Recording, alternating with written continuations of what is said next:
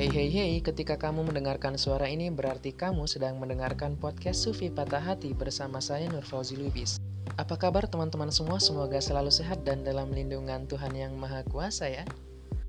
Jadi pengen banget rasanya nih di trailer awal dari podcast ini untuk bercerita kepada teman-teman semua kenapa sih kamu harus dan wajib untuk mendengarkan podcast Sufi Patah Hati karena ya karena pertama kita akan bahas di sini tentang filsafat. Waduh bro susah banget bahas filsafat pasti rumit dan menjelimet. Oh tenang saja teman-teman semua karena yang kita akan bahas di sini adalah bagaimana filsafat terasa dekat. Aduh sebagaimana kita dekat hubungannya dahulu. Aduh. Kita akan membahas filsafat secara sederhana dengan bahasa yang mudah untuk kita pahami. Yang kedua kita akan membahas tentang sastra. Siapa sih yang nggak kenal dengan Firsa Besari, Boy Chandra, Rintik Sendu, dan apa pun itu yang sedang tren pada hari ini.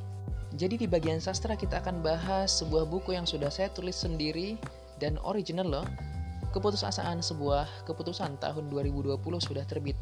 Nanti kita akan bahas isinya lembar per lembar. Jadi itu yang akan kita bahas di bagian sastranya teman-teman. Ya mungkin itu aja sih yang ingin saya sampaikan. Pokoknya kamu harus mendengarkan setiap episode dari podcast Sufi Patah Hati.